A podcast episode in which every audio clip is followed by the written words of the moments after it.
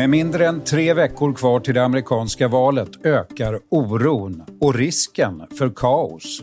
Hur långt efter valdagen kommer resultatet? Kommer alla som vill rösta att få göra det? Vad kommer president Trump att göra om han förlorar? Studio DN idag om ett presidentval i USA som inte liknar något vi tidigare upplevt. Jag heter Lasse Bengtsson. Och jag heter Sanna Thorén Björling.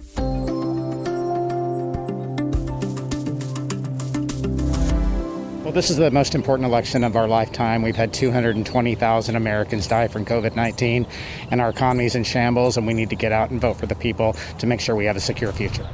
Um, I think it just shows that everyone's like ready to vote and doesn't want their vote to be suppressed and doesn't want to wait and wants to get it over with and wants to know the results by the day of the election same for me. I, I feel honored, and with everything going on today, I felt uh, especially motivated to get out here and stand in whatever length of line I have to be in. Några röster från förtidsröstande i Houston, Texas. Ja, tisdagen den 3 november går USA alltså till val. Tidigare i livet har det varit en dag där jag alltid har känt en mycket stark förväntan och spänning. Men nu, Sanna, känner jag faktiskt mest en stark oro. Hur går dina tankar? Nej, men jag tycker att det ska bli väldigt spännande att se eh, vad som händer både inför det här valet och det som händer på valdagen. Det är ju redan eh, över 12 miljoner amerikaner som faktiskt redan har röstat. Men hur har du med oron då? Är du helt lugn inför allting?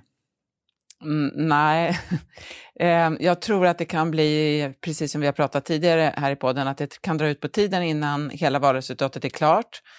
Ehm, vi kan ju få se, i alla fall om det blir ett jämnt valresultat så tror jag att det kan bli oroligt.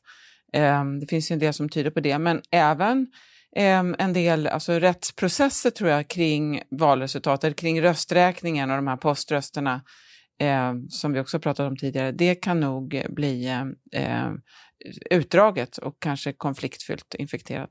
Om vi tar lite steg för steg då och börjar med opinionsundersökningarna som ju alla brukar normalt uh, vara besatta av den här tiden. Men det, för mig, min del är det snudd på att man inte tycker att de är lika betydelsefulla den här gången. Vad säger du? Nej, men jag tycker de är intressanta ändå. Joe Biden leder ju nu ganska betryggande. Enligt vissa, flera är det ju tvåsiffrig, en tvåsiffrig ledning. Eh, sen beror det på lite grann vilka opinionsundersökningar man tittar på. Det där är ju lite viktigt att man inte bara stirrar sig blind på hur det ser ut på den nationella nivån utan att man tittar på de delstater där valet faktiskt avgörs. Eh, men även där tycks han eh, ha ett försprång, även om det inte är, är lika stort överallt. Det varierar ju. Eh, enligt eh, den senaste som jag såg, nationella då från brittiska The Guardian och Opinium, så leder Biden med hela 17 procentenheter, 57-40. Och det är ett par andra som är, är ungefär på den nivån också, några lite mindre. Men Sanna, har opinionsundersökarna, undrar jag, lärt sig något från förra valet? Eh, då det ju kom som en chock faktiskt för många att Trump vann faktiskt. Ja, jag tror så här. Jag tror att eh, eh, de var inte så fel som vi eh, ofta, eh, som många tror. På nationell nivå, på delstat, det var vissa delstater där de slog fel. Och då, jag tror också där att man hade liksom stirrat sig blind på den nationella nivån. Man ska inte glömma bort för det första att Hillary Clinton faktiskt fick fler röster. Tre miljoner vad, till och med. Tre miljoner fler röster än vad, Biden, eller än vad Trump fick. Och sen var det ofta inom felmarginalen. Men sen om man tittar lite på vad de har gjort och vad de har tänkt på så har jag läst om då när man har ringt runt till olika opinionsundersökningsbolag och, och sådana som sysslar med sånt här. Det är ju en, en riktig business. Dels så är det ju svårt, det ju, har blivit så allt svårare att göra go, hög kvalitet i opinionsundersökningar för att folk är svåra att få tag på. Man har ju traditionellt använt sig av telefoner och det är allt färre som har fasta telefoner. Det är ju ett, ett problem som folk har i hela världen som vill fråga folk vad de tycker. Sen har man börjat vikta lite grann annorlunda. Man tittar lite mera på hur man väger in för att skapa ett statistiskt säkert underlag. Så viktar man ju alltid liksom ålder och kön och en del andra faktorer. Utbildning är en sån där faktor som man undrar om man kanske undervärderade förra gången. Eh, precis som eh, var någonstans människor bor, om de bor i, i eh, storstadsområden, förortsområden eller glesbygd. Eh, så de där sakerna tror jag att man har skruvat lite på på flera håll. Eh, exakt hur stor betydelse det där har, det vet man väl kanske inte. Och den stora osäkerheten nu tror jag, det är ju pandemin. För att det är väldigt svårt att veta hur den slår på valdeltagandet. Ja, det har ju onekligen, förutom eh, pandemin, varit en händelserik sista månad. Eh, till exempel då den katastrofala första valdebatten mellan Trump och Biden och Ruth Bader Ginsburg, HD-domarens bortgång och så att eh, Trump då eh, utbrottet i Vita huset naturligtvis. Vilka tycker du och anser du är de viktigaste skälen till Bidens stora ledning nu? Jag vet inte, jag tror att det är mycket av det som du nämner. Trump har fått mycket kritik för hur han hanterat eh, pandemin och det tror jag har påverkat faktiskt ganska många äldre väljare Ehm, som eh, befinner sig i riskgrupper och som inte riktigt känner sig bekväma med det här att man är nonchalant mot pandemin. Eh, man har ju också pratat om att eh, människor i förorten och många kvinnor har eh, stört sig på det. Och det är väl det där att eh, Trumps starkaste kort, eh, ekonomin och jobben, det, jag tror inte kanske att det är så många som... Han har ju hyfsat förtroende där fortfarande, men det är ju en, en mindre fråga. Liksom. Men Biden leder nu till och med i vissa undersökningar till och med i förtroende för ekonomin och jobben. Och eh, det har sett också då att han har tagit fem procentenheter bland obestämda väljare från september och demokrater är också mer benägna att rösta. Har ökat från 75 till 82 procent sen förra månaden bara. När vi kommer tillbaka sen eh, så ska vi prata mer om de här nyckelstaterna och om poströstningen som ju är så dramatisk dramatiskt avgörande nu.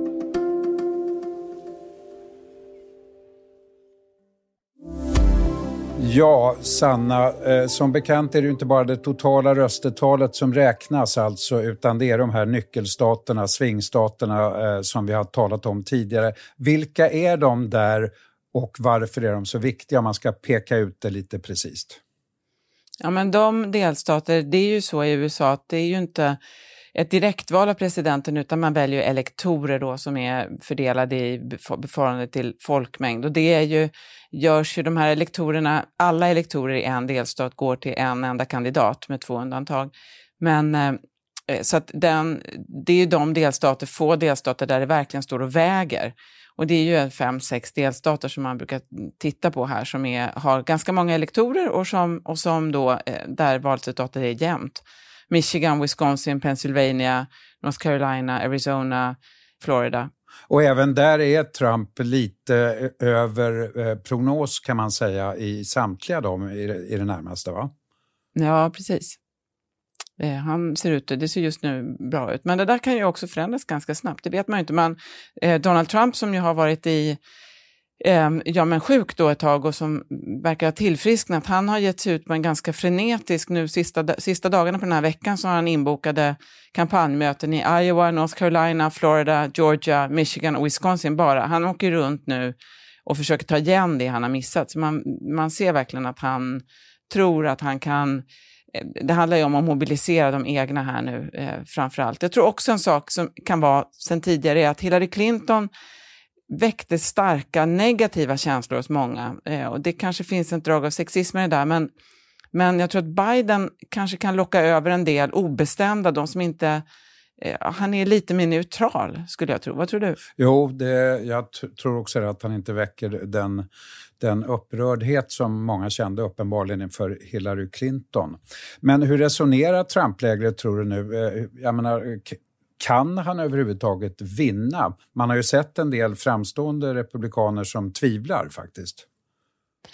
Ja, vi, vi, vi, får väl se. Det finns ju olika sätt för Trump att vinna. Det, det som är intressant tycker jag är just det här med förtidsröstningen. Man ser att det finns problem med förtidsröstningen på många håll och det är ju Eh, det är just den där skillnaden mellan, i valet mellan makt och demokrati. Vad väljer man då? Det finns ju en del som tyder på att man föredrar makten i det här fallet och man försöker aktivt trycka ner valdeltagandet genom att minska på antalet platser där man eh, kan lämna in sina förtidsröster och man minskar antalet vallokaler. Eh, och, så där. Det, och, och det här som har med poströstning och förtidsröstning att göra är ju bara ett led i det. Och man ser ju att problemen är störst i de delstater där de här frågorna varit stora redan innan. Och många, flera av dem är ganska jämna, Georgia till exempel, North Carolina, eh, som har lång historia av, av det här. Det slår mot fattiga väljare, eller många, ofta mot minoriteter. På, på vissa ställen ser man ju direkt hur man har dragit in de här röstningsstationerna, att det liksom bara är en station i ett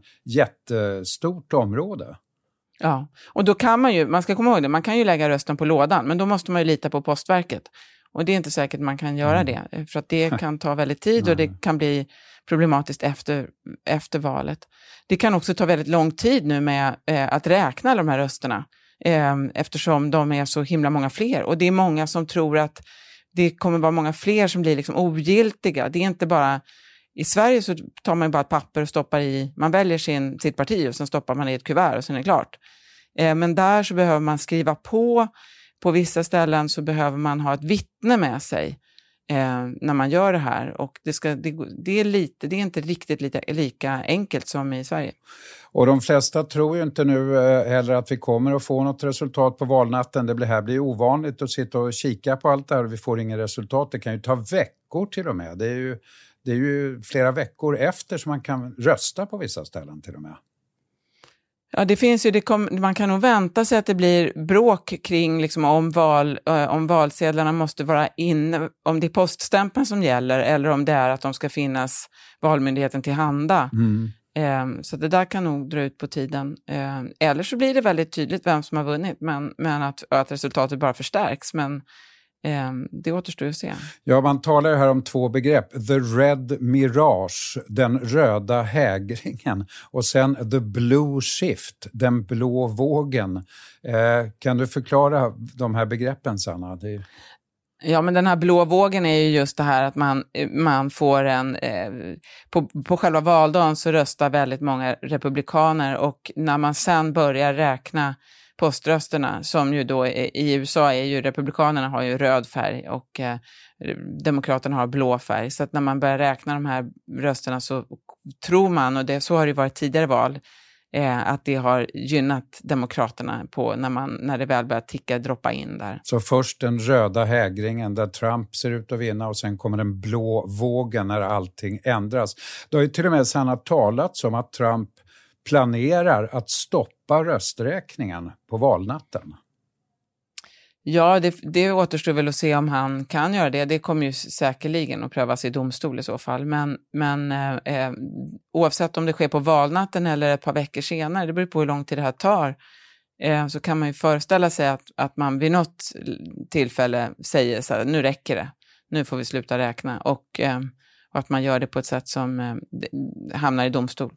Här har ju tv och medierna en väldigt viktig roll naturligtvis eh, att, eh, att utropa segrar och så vidare på själva valnatten kan man anta. Den oundvikliga frågan då, hur kommer Trump att hantera en förlust? Eh, alla rykten som kokar nu, hur tolkar du allt? Lite kyligt Sanna. Vad kommer att hända? Spåkulan. Ja, jag tycker det är jättesvårt. Vi får väl se. Det är ju mycket som tyder på att han inte eh, omedelbart i alla fall kommer att erkänna sig besegrad. Det, det finns ju inget som tyder på det. Han har ju inte... Han har ju, både han och Mike Pence har ju upprepade gånger fått frågan om de kommer att eh, acceptera ett valresultat eh, som verkar övertygande och de har ju inte svarat, svarat ja på den frågan.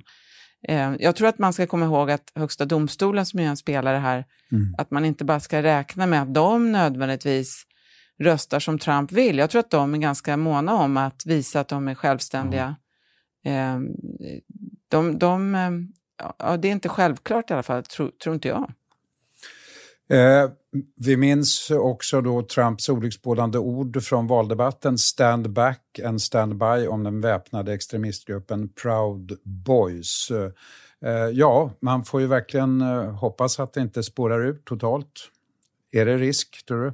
Ja, om det, blir, om det blir väldigt jämnt eller om det blir bråk kring vid våra, några vallokaler eller om man får no någon typ av protest. Det kan ju vara protester, alltså demonstrationer från något håll och sen kommer det in eh, människor som, från de här mindre grupperna mm. som är ute efter att, eh, att, att bråka helt enkelt. Eh, det var ju läskigt de här, eh, det fanns ju ett planerat kidnappningsförsök mot guvernören i Michigan som eh, FBI eh, hindrade. Och inte bara mot henne? Nej, inte bara mot henne, nej. Eh, mot flera andra också. Och eh, det, där har det ju funnits redan under primärvalen också, var det, och under sommaren har det också varit bråk och konflikter. Mm. Tack så länge Sanna. Följ Studio DN för uppdateringar inför valet eh, den 3 november. Studio DN görs för Podplay. Producent Sabina Marmelakai, exekutiv producent Augustin Erba, ljudtekniker Patrik Miesenberger, teknik Oliver Bergman, Bauer Media. Jag heter Lasse Bengtsson. Och jag heter Sanna Thorén Björling. Vi hörs.